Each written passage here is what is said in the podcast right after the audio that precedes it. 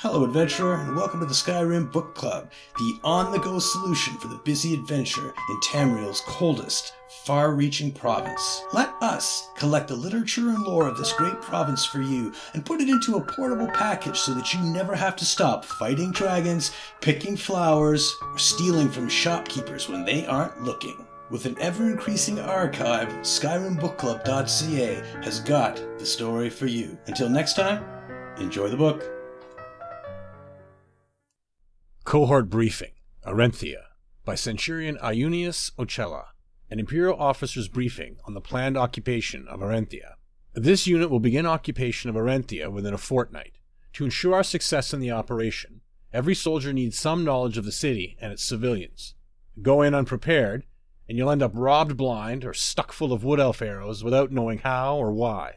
Having spent some years guiding caravans in transit from Arenthia to Skingrad, I can provide the information you need to avoid personal harm and unnecessary provocation of the citizenry. Don't be lulled into complacency by the familiar buildings. The city is nothing like home. Though some Colovian traders from north of the river Strid have settled here, they're outnumbered by the wood elves from the south and the Khajiit who roam in from the eastern savannas. In the past, the city's allegiance has changed as often as the wind, but the flimsy Khajiiti hovels and the elves' temporary tree shaping don't endure like the good Colovian stone from which most of the lasting structures are built. You'll encounter plenty of wood elves and Khajiit, so a general awareness of their customs and practices will prove useful. Wood elves become unreasonably aggressive if they believe a plant or tree is in danger. If any trees need to be cleared, obtain permission from your superior and assemble an armed squad.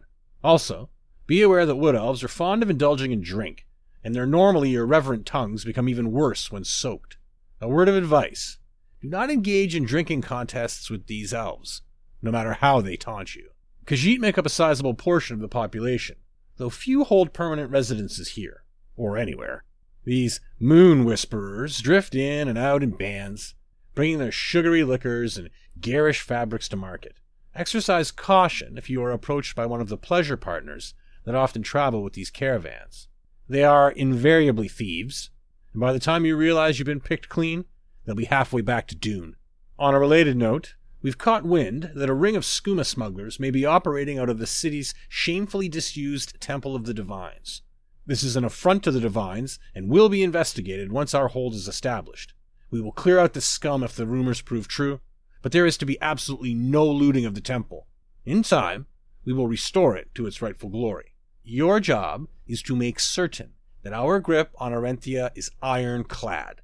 Enforce martial law and keep the peace as much as possible, but be swift to quell any potential disturbance.